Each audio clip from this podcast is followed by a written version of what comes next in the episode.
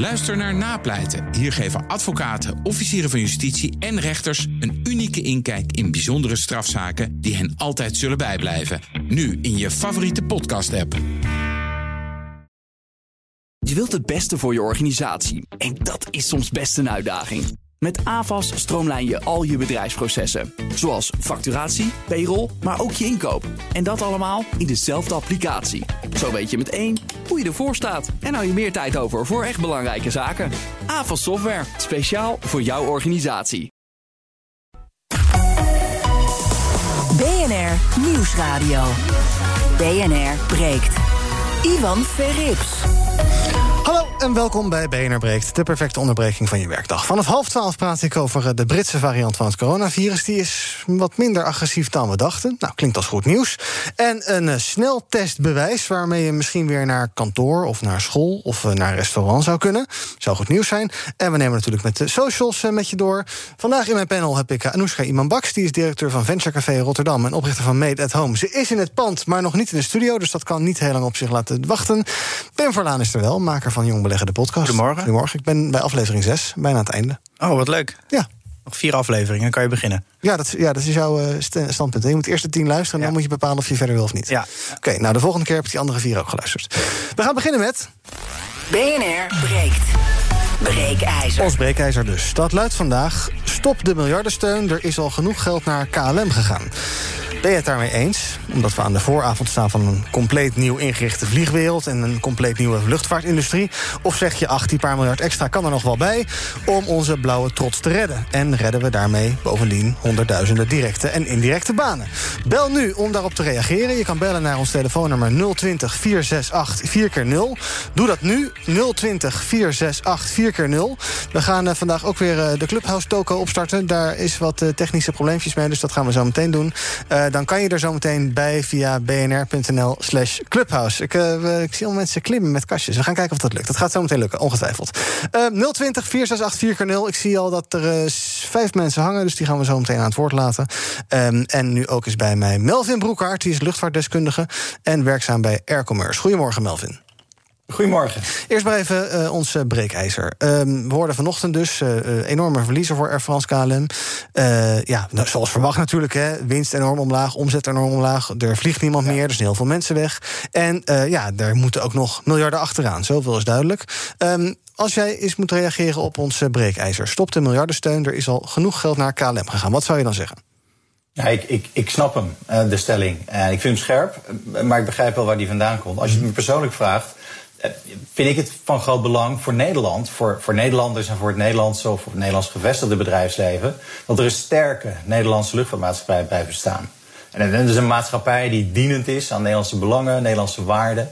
En ja, om dat te waarborgen lijkt er op dit moment verdergaande ondersteuning nodig. Financieel, maar ik denk echt niet alleen maar financieel. Ik denk ook steun op het gebied van structuur en het scheppen van een langere termijn visie en, en helderheid rondom, eh, rondom vliegen en rondom vliegverkeer.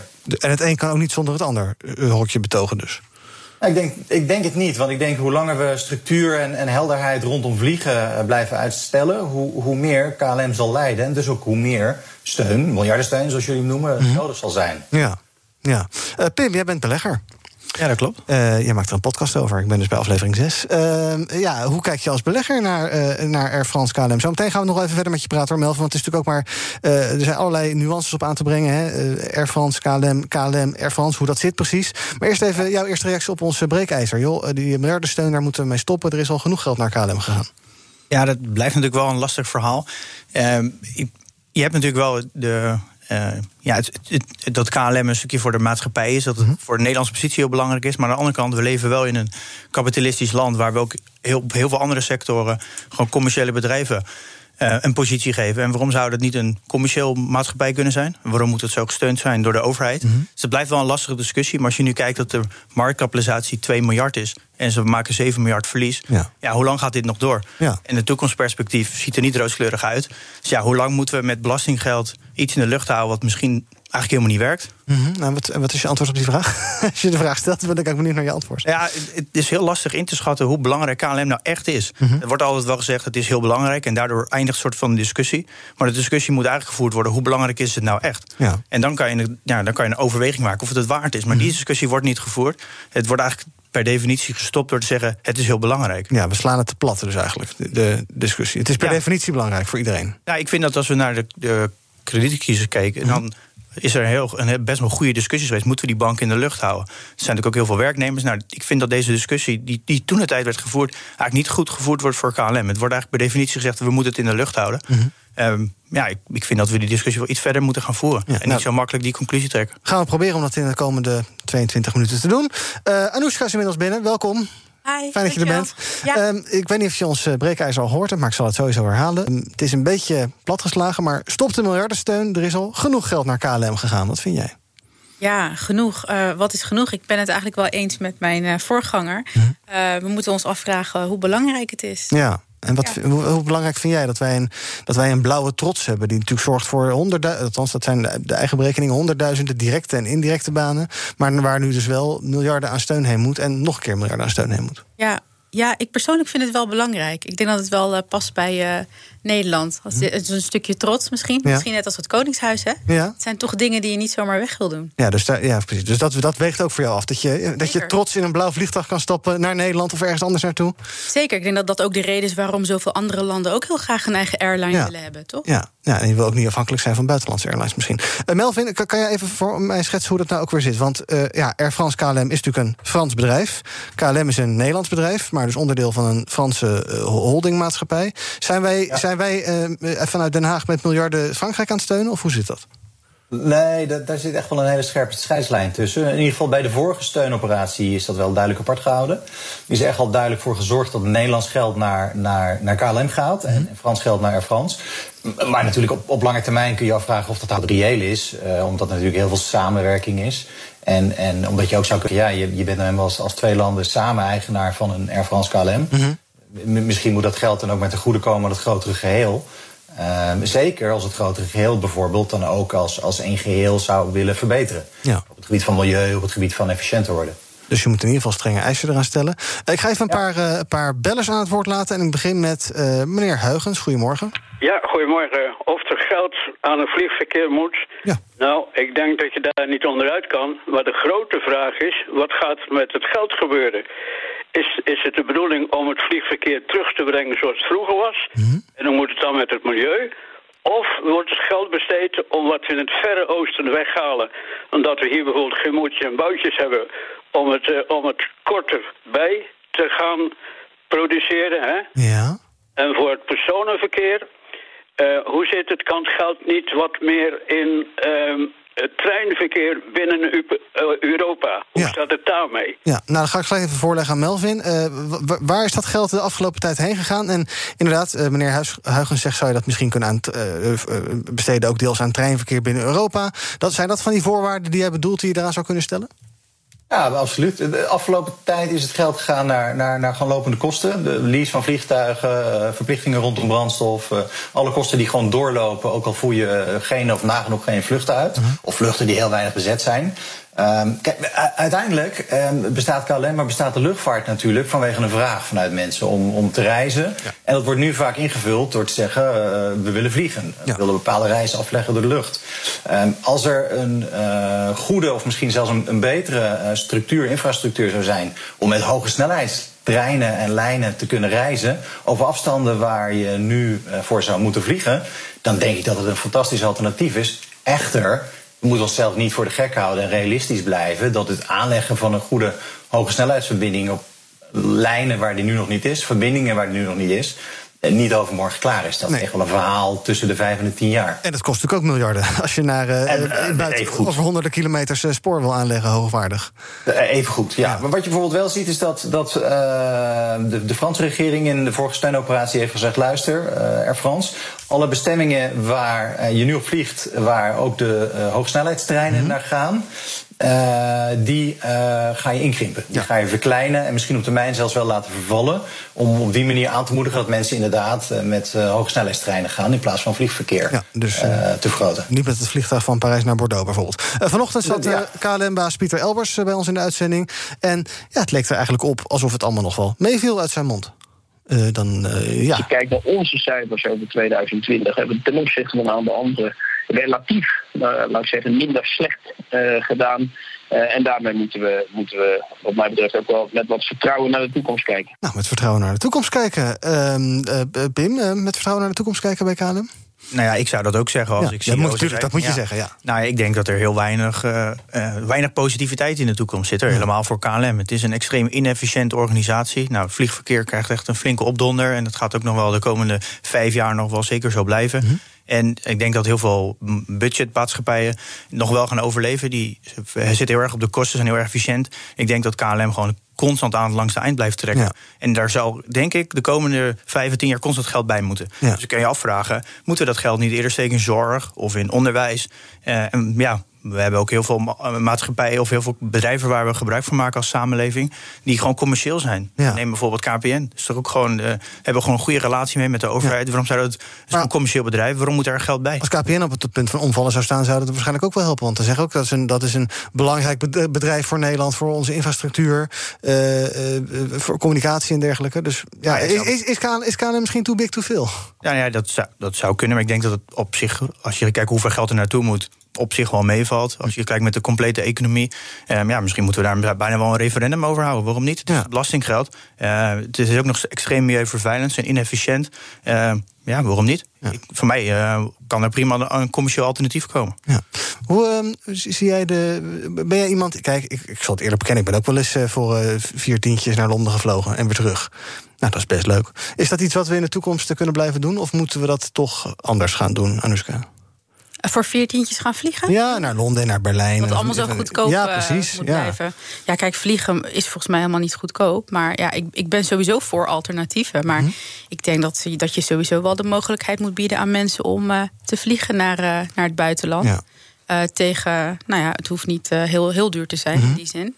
Maar ja, ja, het is een beetje discussie van wat ga je precies doen in het buitenland. Hè? Is vakantie, is het werk, is het. Iedereen mm-hmm. heeft wel een reden om te vliegen. Zelfs in coronatijd hebben mensen redenen om te vliegen. Dus ja. Ja. Misschien, misschien wel goed om aan toe te voegen dat de, de luchtvaart is extreem gesubsidieerd. Het zegt de kerosine die gebruikt wordt, daar zit bijna geen subsidie op. En als je dat vergelijkt met de benzine die in je auto gooit, mm en dat is echt extreem. En het, het is een extreem gesubsidieerde ja. Uh, ja, industrie waar je eigenlijk bij kan vragen waarom gaan we iets extreem subsidiëren als we ook de doelstellingen hebben om bepaalde ja, vergroeningen en bepaalde CO2-uitstoten te verlagen. Dan gaan we de vliegindustrie extreem subsidiëren. Maar is het dan wel een, überhaupt een commercieel houdbare industrie? Want jij zegt KPN is ook commercieel. Er is in de afgelopen, nou, volgens mij 30 tot 40 jaar over de hele industrie geen winst gemaakt in de vliegindustrie. Daarom zeggen beleggers ook altijd dat je het in de industrie is die je moet vermijden, omdat er nooit winst wordt gemaakt. Ja. Warren Buffett heeft al zijn, eh, zijn luchtvaartaandelen weggedaan, hè? Nou, dat, ja, dat klopt. Hij is er een tijd ingegaan, omdat er in Amerika op een gegeven moment een, uh, een slag gesgaan is waar heel veel maatschappijen samen gingen. Ze waren er steeds minder en daardoor gingen de prijzen omhoog. Dat Amerika is, is veel duurder vliegen dan in Europa. Mhm. Maar dat langzaam, eigenlijk door corona, is dat eigenlijk een beetje die trend een beetje gestopt. En daardoor is hij eruit gestapt. Ja. Ik ga even naar Jeroen. Goedemorgen. Goedemorgen met Jeroen. Um, ik wou eigenlijk wel een vraag stellen van het leasen van vliegtuigen. Mhm. Daarmee stroomt al het geld weg van KLM naar de leasemaatschappijen. Dus eigenlijk financieren we leasemaatschappijen. Moet je niet vliegtuigen kopen in de leasecontracten gewoon door midden scheuren. En over het milieuprobleem van net, ja, dat, is, dat moet je wereldwijd oplossen. Want dat kan niet één of twee landen, denk ik. Nee. Nou, goede vraag. Uh, uh, ga ik voorleggen aan, uh, aan Melvin. moet je inderdaad, moeten we inderdaad maar gewoon vliegtuigen gaan kopen en minder leasen? Zou dat zin hebben? Ja, dit is een keuze die, die ooit gemaakt is. Er zijn enkele airlines in de wereld, maar dat zijn er echt heel weinig. Denk aan, aan Southwest in Amerika, die hun vliegtuigen bezitten. Mhm. um, maar waar het er niet op neerkomt, is dat ze dan geld uh, lenen. Uh, en met dat geld vliegtuigen uh, aanschaffen. En ook over die, die lening van dat geld moet natuurlijk gewoon rente betaald worden. Dus daar zitten maandelijkse kosten aan. Dus het is een andere manier van financieren. Die uiteindelijk in, in dit geval niet voor heel veel soelaas had gezorgd. Uh, want dan we hadden dan ook even goed wel betalingen plaatsgevonden aan, aan banken of andere financieringsmaatschappijen. Uh, Voor de leningen waarmee vliegtuigen gekocht zouden zijn. Dus, ja. dus het had het probleem niet opgelost, maar het is een alternatief. BNR breekt. Ivan Verrips. Je luistert nog steeds naar BNR Breekt. We zitten midden in ons breekijzer. Stop de miljardensteun. Er is al genoeg geld naar KLM gegaan. Wil je reageren? Bel dan nu naar 020 468 4x0. 020 468 4x0. Doe dat nu, want we praten er de komende 9,5 minuut nog over. Dan kan je meepraten in de uitzending. Praat erover met Pim Verlaan van Jong Beleggen, de podcast... en met Anoushka Iman-Baks, directeur van Venture Café Rotterdam... en uh, oprichter van Made at Home. En dus ook Melvin Broekaart, die is bij ons. Die is uh, luchtvaartdeskundige.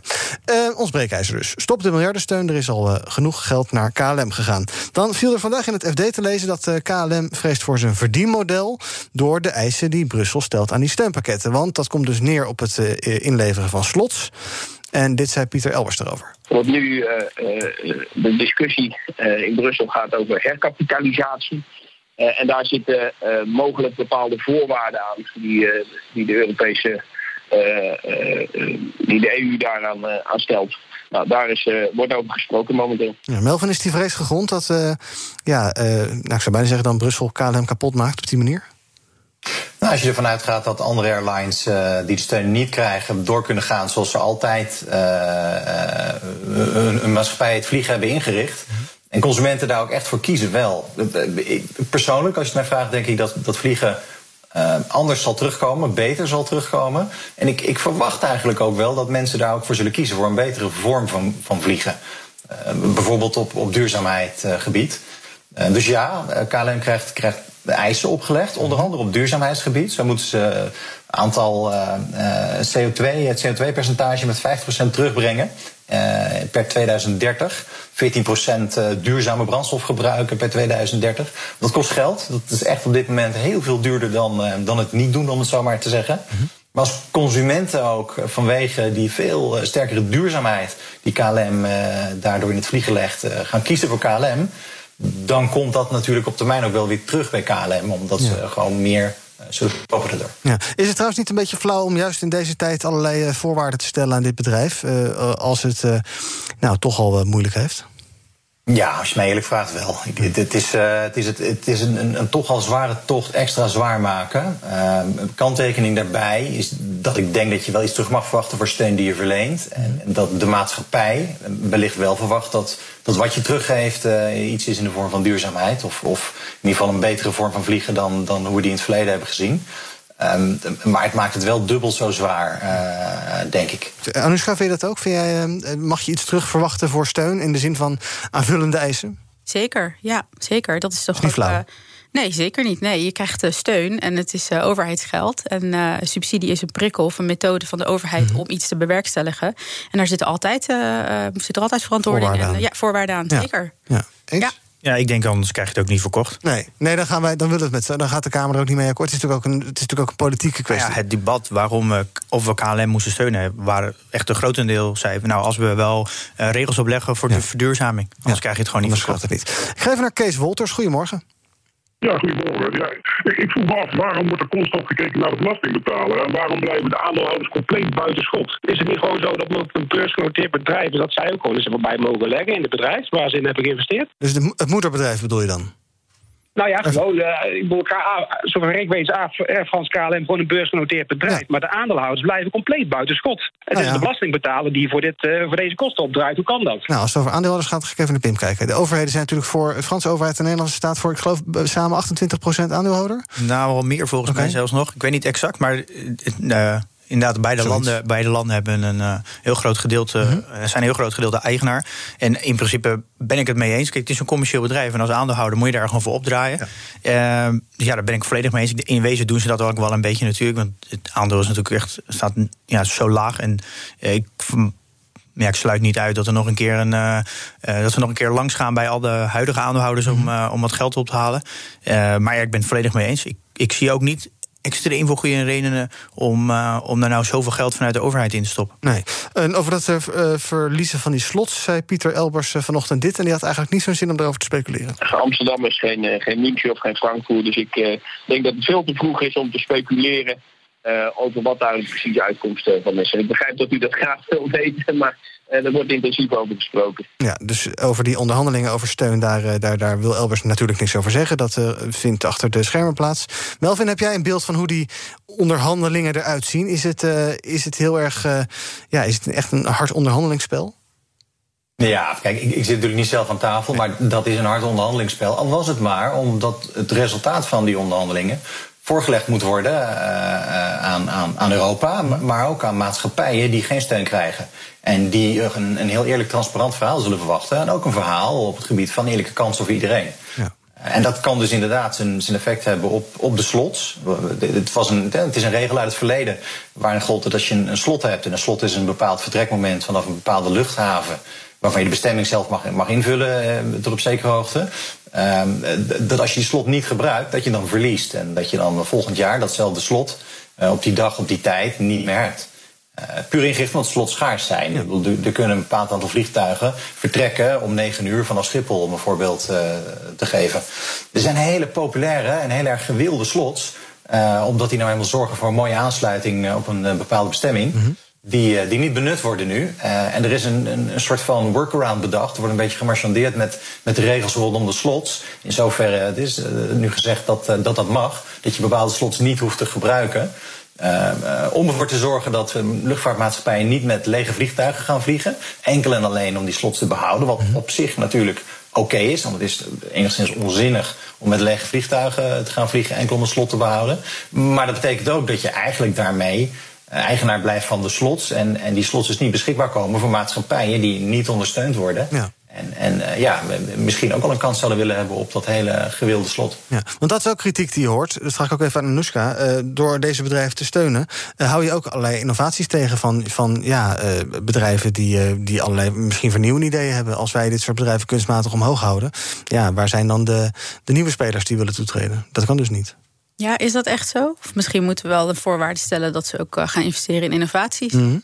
Ja, dus dat, nou, dat doet KLM natuurlijk al wel een beetje. Ja. Met de TU Delft werken ze samen aan van alles en nog wat. Ik zie uh, Pim uh, wisselend knikken, geloof ik. Nou ja, volgens mij, waar de vliegtuigen waar we in vliegen... die zijn volgens mij heel veel nog uit de jaren negentig. Mm -hmm. En nou, ik kan de, vlieg, in ieder geval de hele vliegbranche niet echt betrappen... op nou gigantische innovaties. Nee. Als je zelf terugkijkt naar de jaren negentig... en als je ziet wat er nu allemaal veranderd is in de wereld... en je kijkt naar vliegverkeer... nou, ik zie weinig innovatie. Ja. En ik denk dat de hele wereld wordt aardig geregeerd door een aantal monopolies. Mm -hmm. De vliegtuigbouwers hebben er maar twee in, uh, in de wereld. Ja, ik zie niet zoveel innovatie. En dat komt vooral van. een conservatieve wereld. Nou ja, de innovatie komt wel vooral van de budgetmaatschappijen, van Ryanair en uh, EasyJet. Die proberen wel te innoveren. Mm -hmm. En ik mhm. zie de staats, een beetje semi-staatsvliegtuigmaatschappijen niet echt innoveren. Nee. Uh, ze hebben wel een hoog serviceniveau, uh, dat zeker.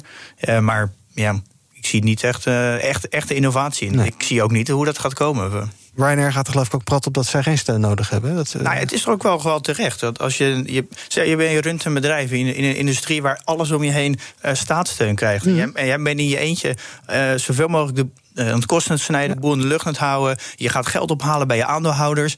Uh, en dan krijg je aan de andere kant die concurrent die wordt een beetje gesponsord. Ja. ja. dat is toch eigenlijk, je creëert toch geen eerlijk speelveld. En we zijn toch een, een democratie met een kapitalistisch land waar we als overheid een eerlijk speelveld moeten creëren.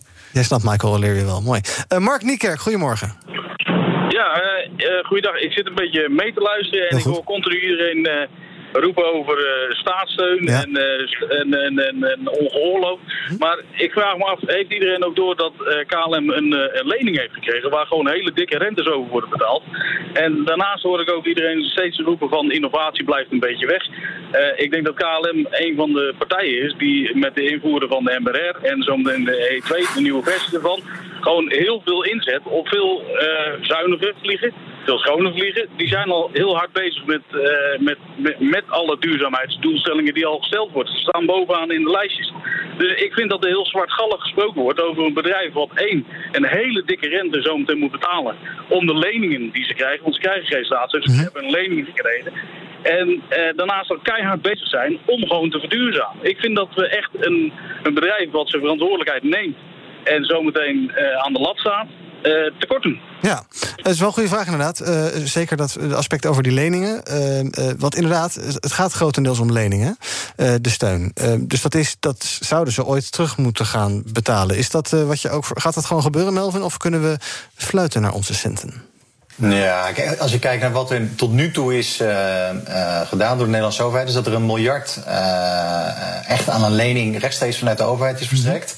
Uh, waar inderdaad uh, leningrente uh, over wordt, wordt gegeven. En 2,4 miljard wordt verstrekt of is verstrekt door banken. Ja. Waarvoor de overheid wel weer voor 90% garant staat. Mm -hmm. Ehm, daar wordt inderdaad ja, een goede rente over betaald, in deze tijd dan toch. En gaan ze dat terugbetalen? Ja, ik, ik denk het, dat dat prima moet lukken. Mhm. Ik denk wel dat het heel erg lang gaat duren. Um, en ik vind, het, ik vind de opmerking die, die net gemaakt werd wel heel erg terecht. KLM staat natuurlijk in het rijtje van in ieder geval luchtvaartmaatschappijen die op Nederland vliegen... wel heel erg hoog bovenaan voor wat betreft duurzaamheid. En je zou op een bepaalde manier ook kunnen zeggen, als we willen dat luchtvaart terugkomt, en deze nou blijkt toch behoorlijke vraag naar, naar luchtvaart. Um, als we graag willen dat het terugkomt, dan zouden we misschien graag zien dat het duurzaam terugkomt. Dan moeten we niet de illusie hebben dat als een partij die het nu heel duurzaam doet wegvalt, dat, dat het dan automatisch wel weer beter teruggedaan wordt door andere maatschappijen. Um, dan is het misschien wel, uh, valt er iets voor te zeggen om een maatschappij die het nu al goed doet, te steunen. In ieder geval door te zorgen dat die duurzaamheidsinitiatieven ook echt door gaan blijven vinden. Ja. Dankjewel. Uh, Melvin Broekhaart, uh, tot zover onze breekijzer. Wat ik uh, nou een beetje het opmaken is dat eigenlijk veel mensen wel zeggen... ja, steunen wel, maar dan wel onder bepaalde voorwaarden. En dat Pim zoiets heeft van, nou, ik, voor mij hoeft het niet per se. Ja, nee, ik kan er nog wel laatst aan toevoegen. Ik mhm. snap het punt wel. Maar je, je, je, wil niet zeggen als het het meest duurzame jongetje van de klas is... dat je die moet gaan sponsoren. Want dat geld wat je niet aan sponsoring geeft... kan je ook steken in de hele industrie verduurzamen. Dus je kan op meerdere manieren duurzaamheid stimuleren. En ik denk dat de overheid veel meer incentives moet geven aan de hele industrie dan aan specifiek één bedrijf. Dankjewel. Zometeen gaan we verder praten na het nieuws over uh, onder andere de Britse variant van het coronavirus, die wat minder agressief lijkt dan gedacht. Is dat goed nieuws? Over een plan voor sneltestbewijzen. Ik zie een soort uh, coronapaspoort vormen. En we nemen de social even met je door. Tot zo. Nieuwsradio. BNR breekt. Ivan Verrips. Welkom terug. Vandaag in mijn panel Anoushka Iman-Baks... die is directeur van Venture Café Rotterdam... en oprichter van Made at Home. En Pim Verlaan, die is maker van uh, Jong Beleggen, de podcast. Ja, we waren dus van plan om net als gisteren... ook dit uh, feuilleton op Clubhouse uit te zenden. Dat was gisteren erg leuk, met mensen die inbelden... en althans die meeluisterden en dus ook meespraken in de uitzending. Um, dus daar hadden we het even over van... goh, jammer, we hebben hier een technisch probleempje bij ons... dus dat ligt allemaal aan ons, niet aan Clubhouse of iets dergelijks. Wat mij betreft doen we morgen gewoon weer een poging. Um, maar toen spraken we daarover en Pim... Jij bent helemaal niet zo enthousiast over Clubhouse. Nou, nee, dat is niet waar. Dat heb je niet oh. goed geluisterd net. Nee, ik ben heel enthousiast. Ik mijn ondernemershart gaat wel kloppen. Mhm. Van de manier hoe ze dit aanvliegen met het stukje FOMO. Dat je nu, die moet aanwezig zijn een bepaalde tijd. En dat het ook alleen maar voor iOS is. Mhm. Maar ik denk op lange termijn is het een hele goede marketingstrategie om producten te lanceren. Maar als je uiteindelijk het, de status wil bereiken van een Twitter, een mhm. Pinterest en een Instagram. Dus echt het gaat over miljoen plus gebruikers. Op dagelijkse basis, actieve gebruikers. Dan moeten ze uiteindelijk wel een eh, soort van asynchroniteit gaan toevoegen. En in de vorm van het opslaan of playlisten maken. Ja. Uh, dus, terugluisteren dus? Ja, anders gaat, kan het denk ik, geen, nooit het succes worden als de bestaande social media. Want nu iedereen die hoort, die zegt van de charme is uh, dat ik, op dat ik vanavond om acht uur een gesprek heb met uh, 15 man. En dan luister ik dan mee, dan kan ik dan meepraten. En daarna is het weer weg. Dus ik moet, ik moet dan daar zijn. En je, inderdaad, wat je zegt, de, de FOMO. Maar FOMO op zich, Fear of Missing Out, dat is, niet, dat is geen werkbaar verdienmodel, denk je? Nee, niet op lange termijn. Dat gaat gewoon niet werken. Je kan niet constant je agenda leegmaken om op, zoiets, mhm. op zo'n moment er zijn. En nu doen mensen dat denk ik ook in dat de... Dat het nieuw is. Ja, nieuw, lockdown. Uh, ik denk dat iedereen makkelijk het even kan doen tussenwerken. Omdat ze thuis werken. Het wordt veel, veel lastiger als je straks weer op kantoor zit. Uh, dus het werkt heel goed nu, omdat het nieuw is. En je wil erbij zijn. Kranten schrijven erover. Dus je, en dit is ook een makkelijke manier om nu, uh, om het, ja, om nu met, met een groepje mensen te gaan praten. Omdat het vrij klein is, een beetje mm -hmm. van de cozy is het nu. Maar op lange termijn, als je echt de massa wil bereiken, dan moet je asynchroniteit gaan mhm. toevoegen. Ook omdat je bepaalde. Je hebt ook het werelddelen die andere tijden hebben. Dus, misschien doen ze dat wel. Uh, ja, dat gaat denk ik sowieso gebeuren. En ik, ik zie het een beetje als een soort verlengstuk van podcast. Dat je uiteindelijk een soort van podcast kan luisteren, maar dan maak je samen de podcast. Dus je krijgt een soort van playlisten die je kan maken. Want je moet ook een extra incentive geven aan makers. Hè, om, om iets content die ze maken, dat ze dat ook in de laatste tijd kan terugbouwen, op terugkijken. Zodat je een soort van archief bouwt als maker. Uh, en een soort van autoriteit kan opbouwen. Anoushka, heb jij al gesprekken gevolgd en meegedaan in de Clubhouse? Ja, ik volg de trend wel. En waarom? Omdat Venture Cafés natuurlijk wereldwijd organiseren wij elke donderdag een netwerkbijeenkomst. En dan doen wij vanuit uh, Tokio, Australië en Rotterdam ook. Mm en dat, wij zijn natuurlijk vanwege corona, wij doen dat normaal fysiek. Dus 300 man uh, in, een, uh, in een pand en hele gaaf programmering. Dus workshops, allerlei talks die je kan volgen. Het gaat heel erg om elkaar ontmoeten. En wat ik daaruit heb geleerd is dat mensen zichzelf graag willen horen. Mm. Dus je wil graag meedoen. En het terugkijken, uh, wat jij net zegt, dat snap ik wel. Tegelijkertijd, het is echt op dat moment wil je ergens hè, meedoen. En je hoeft ja. later eigenlijk niet meer terug te horen. Um, en tegelijkertijd, ja, ik snap de hele trend nu. Want met Venture Café zijn wij nu ook niet meer fysiek. En we zijn ook online gaan. Mm. En ik denk dat Clubhouse heel goed heeft ingespeeld op die trend. Ja. Ja. Ja, grappig. Jongens, we gaan het hebben over uh, het nieuws van vandaag. Um, het lijkt erop dat uh, er in Den Haag weer een beetje in mogelijkheden wordt gedacht. Want met de ontwikkeling van een coronatestbewijs zou de overheid versneld versoepelingen kunnen doorvoeren. Mensen die een negatieve testuitslag krijgen, die kunnen meer vrijheden krijgen, zodat ze misschien weer naar kantoor kunnen gaan, of naar een restaurant of naar een theater.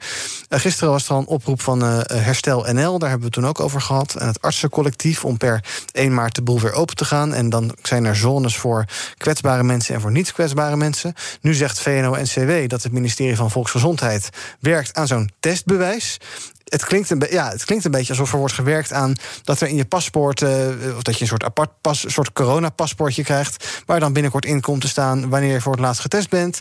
En uh, of je al gevaccineerd bent. En dat je misschien op die manier weer gebouwen in zou kunnen. Zou dat iets zijn waar jij enthousiast van zou worden, Anouska?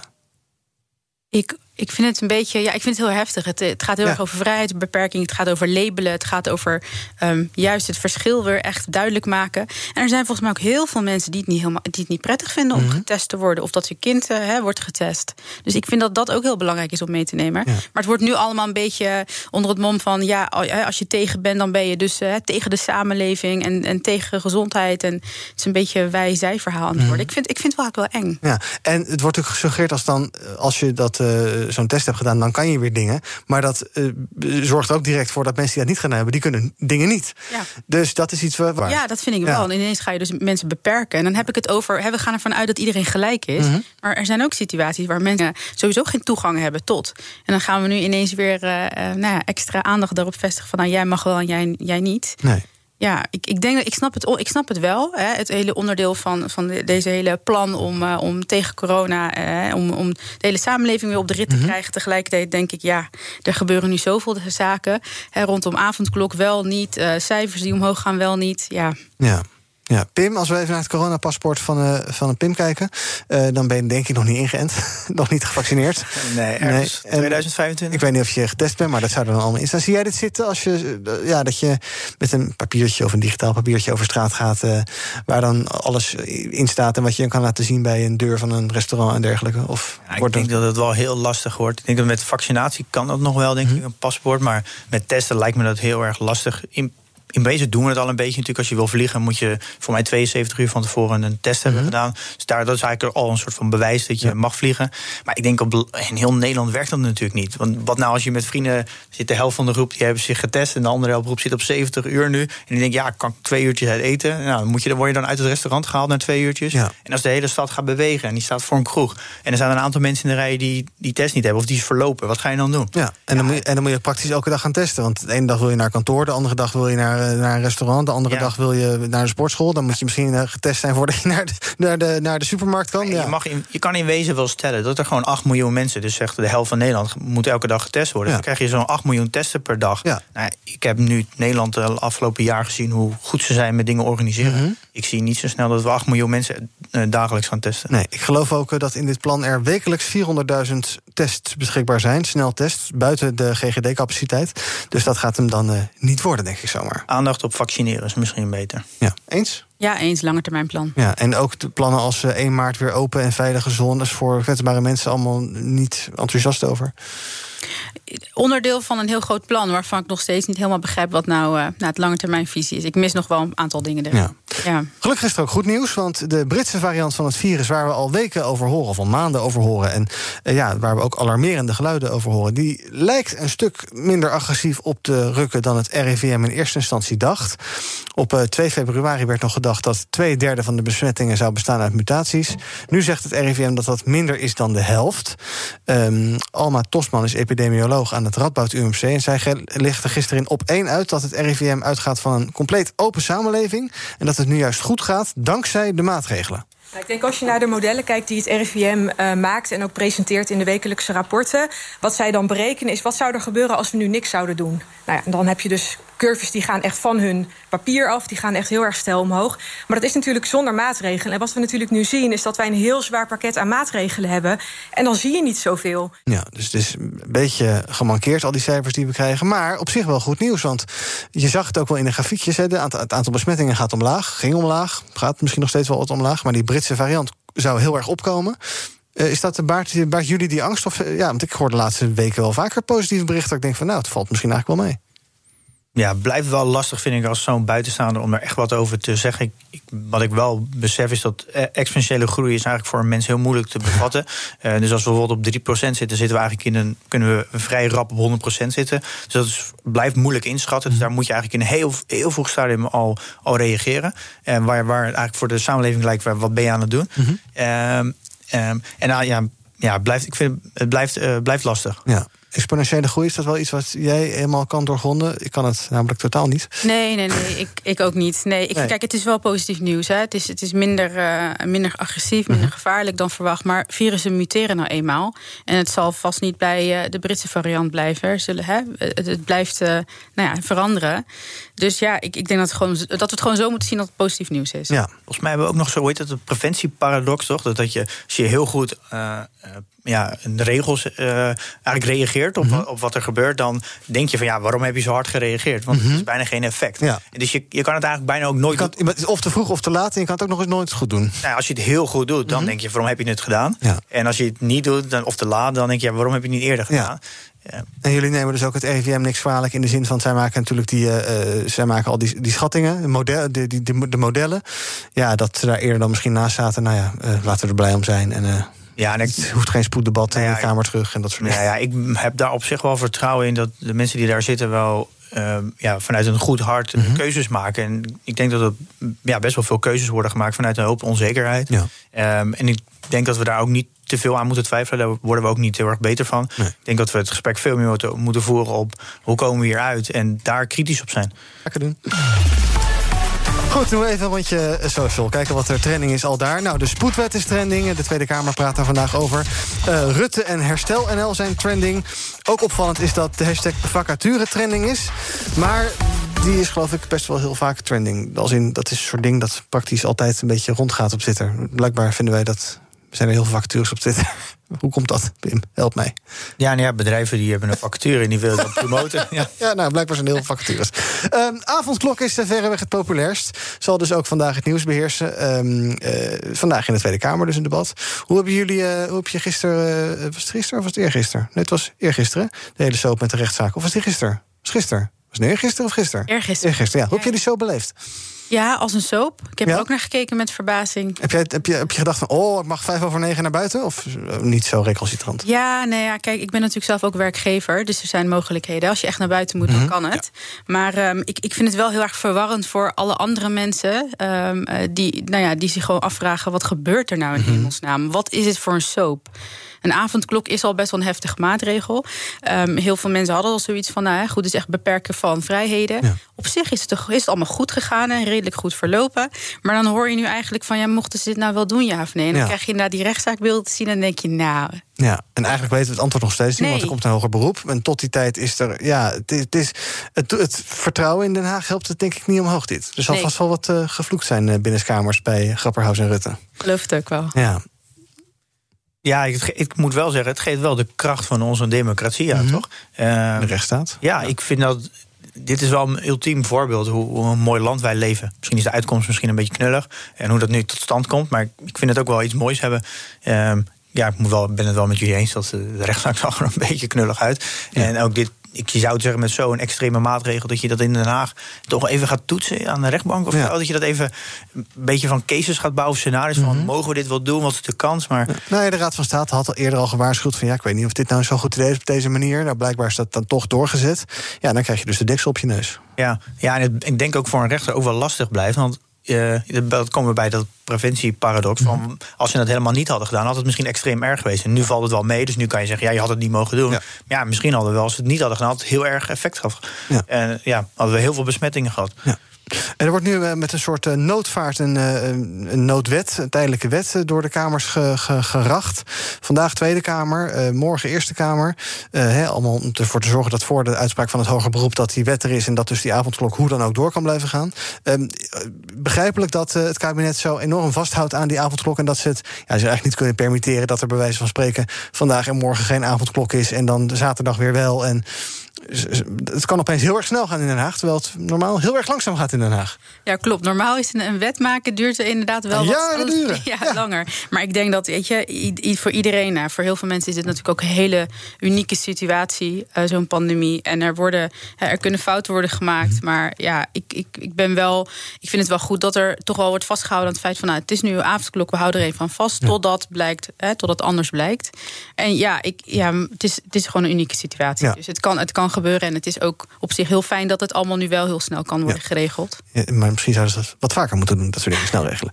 Pim, we gaan even kijken een eh, rondje eigen nieuws. Uh, jij wilde het hebben over het volgende, namelijk eh, dat uh, Eppo Bruins, Kamerlid voor de ChristenUnie, en Kees Verhoeven, Kamerlid voor D66, vertrekkend, een minister voor digitale zaken willen. Luister even mee. Ik denk dat je verschillende dingen moet doen. Ik pleit ook inderdaad voor meer beta's in de Kamer, meer ICT-specialisten en ook een vaste commissie digitale zaken die ook nu gevormd Maar als je in de politiek echt iets prioriteit wil geven, dan is het ook goed om er een minister uh, aan vast te koppelen die daar specifiek verantwoordelijkheid voor draagt. Zodat je die ook kunt aanspreken, zodat je ook kunt laten zien dat het ook echt prioriteit heeft. En daar pleiten we voor. Ja, daar, wordt voor, daar pleiten ze voor. Er is al een eh, commissie digitale zaken in de Tweede Kamer, die geloof ik eh, langer die, die vast wordt. Was eigenlijk een tijdelijke commissie, wordt een vaste commissie. Er zijn allerlei Kamerleden die deze deskundigheid hebben, die verdwijnen. Kees Verhoeven gaat weg. Jan Meerderdorp gaat weg. Er zijn geloof ik vier of vijf die weggaan. je hoorde net Apple Bruins bij de Nieuwsbv. Um, uh, jij bent daar groot voorstander van, minister van Digitale Zaken?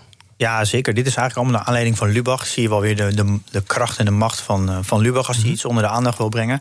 Um, ja, ik, ik kom uit de technologie in de creatieve sector. Nou, dat is iets, is niet iets wat ik heel vaak zeg, maar dat is, de hele sector zegt dit al, nou, denk al vijf à tien jaar. Dit is iets wat wij altijd als industrie even niet begrijpen: dat we niet een minister van technologie hebben. Mm uh, in elk groot bedrijf heb je een CTO, ja. een Chief Technical technology officer. Het is heel normaal, omdat gewoon de hele organisatie leunt gewoon op technologie. Nou, kijken we naar de afgelopen jaren, wat alle problemen waren. De grote problemen, toeslagaffaire, techno technologisch probleem. Uh, nu GGD, uh, met uh, de lek, weer een probleem. We gaan moeten überhaupt het organiseren van de vaccinatie en technologieprobleem. Ik kan je eigenlijk nu al vertellen, alle grote problemen in de toekomst, die gaan te maken hebben met technologie. En ik denk dat het bijna, kan ik hem wel heel scherp neerzetten, dat het bijna een ondermijning van de democratie kan zijn als we technologie niet organiseren.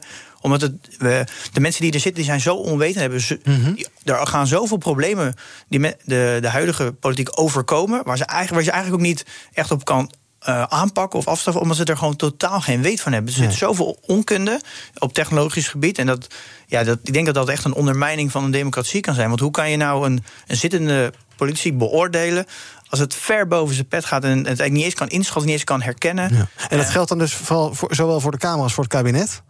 Ja, gewoon überhaupt heel Den Haag. Want in het kabinet hebben we, je zei al, we hebben de CEO, dat is dan Rutte, de CFO is Hoekstra. En wie zou die CTO dan kunnen zijn? Ja, ja dat kan iedereen zijn. Die, nou, dat zet, denk ik niet. Nee, ja, maar ja, zet, de, zet de vacature open en laat mensen solliciteren. En ik denk ook een heel groot probleem is, dat zie je natuurlijk ook wel... de industrie waar ik werk, zitten mm -hmm. vooral... nou ja, boven de 40 zijn er niet veel. En het probleem is, heel, heel politiek is volgens mij 40 plus. Dus er is ook een, een extreem grote kennisachterstand. Omdat ja, de technologie is opgekomen, nou, 20, 30 jaar. Dus die, die groep die nu uh, ja, aan de zit van de zittende macht eigenlijk, die, ja, die heeft gewoon echt een achterstand. En dat is, daar zijn ze nooit meer opgevoed. Daar hebben ze studies niet naar gedaan. Ik denk dat dit echt een heel groot probleem is. En daar gaat echt wel een keer, een, een, hoeft nog maar een paar keer echt een heel groot probleem te zijn. En dan gaan we, moeten we ook echt anders gaan stemmen. Ja, dan ben je te laat. En onze opa's en oma's gaan misschien niet stemmen op iemand die uh, digitale zaken heel uh, belangrijk vindt. Want ja, wat wat hebben zij daaraan? Uh, Anoushka, minister hè, na de commissie, na commissie Digitale Zaken in de Kamer, ook een minister voor Digitale Zaken? Ja, ik ben ook voor. Ik ben ook voor meer jongeren in de Kamer sowieso. Uh, vind ik heel belangrijk en meer vrouwen. En met jongeren bedoel ik dan ook dat, uh, nou ja, dat zijn de topics waar we nu te maken mee hebben, die, uh, die gewoon belangrijk zijn. Je ziet ze wel op de lijst staan, mm -hmm. de verkieslijst, ja. maar dan echt op nummer 26 en dat soort zaken. Dan heb je ook gewoon heel weinig. Bij de VVD maak je een kans, maar verder niet. Ja, daarom. Je hebt heel weinig campagnebudget. Je moet een, een persoonscampagne campagne gaan voeren en voorkeurstemmen trekken. Maar ik ben het wel mee eens. Ik vind digitalisering heel belangrijk. Als je kijkt naar datalekken, privacy. We lopen tegen zoveel zaken aan. We hebben niet eens wifi voor iedereen in Nederland. Ik mhm. vind dat wel echt wel basisdingen die er moeten zijn. Vooral, nou, dat zie je vooral nu hè, in, in, met corona. Dat niet iedereen toegang heeft überhaupt tot digitaal netwerk. Ja. Ja, dat vind ik nogal zorgelijk. Ja, nou werd er gisteren al gepleit voor een uh, minister voor wonen die weer terug zou moeten komen. Nou, nu dus een minister voor technologie, zo moet hij dan heten, denk ik. Hè? Hebben we nog meer wensenlijstjes, uh, ministers die we zouden willen zien? Want ja, dan kan je natuurlijk het kabinet wel oneindig gaan uitbreiden met allerlei doelgroepen die een eigen minister willen. Nee, ja, ik, ik zie het niet zo hoor. Ik denk, kijk, de, vaak nu technologie, dat zit vaak bij innovatie. Dus dat valt onder, onder een minister die dat mm -hmm. in zijn portefeuille heeft. Keizer, maar het gaat erom. Ja, ja, maar, ja, maar het gaat erom dat je gewoon meer, meer aandacht kan, uh, kan geven. En ik vind dat uh, in die zin Mona Keizer dat heel goed doet. Mm -hmm. Dus het zit er wel in. Maar ik denk dat je daardoor wel iemand op beter op kunt aanspreken. Of dat het dossier wat meer prominent op de agenda staat. Ja. Maar ik vind digitalisering vind ik echt een goed jaar. Ja. Wonen, ja, kijk, net wat je zegt. Dan ga je doelgroepenbeleid, et cetera, kun je voeren. Maar het gaat ook over wat hebben we de komende uh, hè, vier jaar nodig voor dit land om weer, ons weer verder te ontwikkelen. Daar gaat het ook over. Ja. En zou, Pim, zou die, zou die CTO van het kabinet, zou dat dan een beta moeten zijn? Of mag dat ook wel een bestuurder zijn die zich helemaal gaat invreten in dat digitale domein? Of zeg je van het moet gewoon echt iemand uit de praktijk zijn? En, nou, hoeft niet per se een bekende naam te zijn, maar gewoon een grote naam uit die wereld die zich als een beta tussen al die bestuurders gaat begeven en daar overal aan, aan, aan bomen gaat trekken en beveiliging overal gaat toetsen, dat soort zaken? Nou ja, ik denk dat het niet zo heel veel uitmaakt wat nou precies zijn profiel is. Diegene moet kundig zijn en daar ja. ga je hem op beoordelen. En maar kundig als bestuurder of kundig op, op technologisch vlak? Op, op, ja, op inhoud. Ja. ja. En eigenlijk wat we nu ook verwachten, dat als we een minister hebben op een bepaalde uh, ministerie, dat hij mm -hmm ook inhoud over. Ja. En nou ja, dat is, verwacht je dan ook van technologie. Ja. Je gaat niet Mark Rutte een uh, de hoofd ICT maken, want die snapt nee. er helemaal niks van. Nee, nee, Hugo de Jong ook niet, bijvoorbeeld. Nee, dat lijkt me geen verstandig idee. Het klinkt misschien hard, maar als ik dan daarna zit te kijken, ja, ik kruip echt helemaal in een hoekje van mijn huis. Het is echt tenenkommend ja. hoe daar over technologie wordt gesproken. Ja, ja. dat, ja, ja, ik bouw zelf technologie in en nou, ik, ik, ja, dat exportknopje is natuurlijk uh, eigenlijk heel grappig.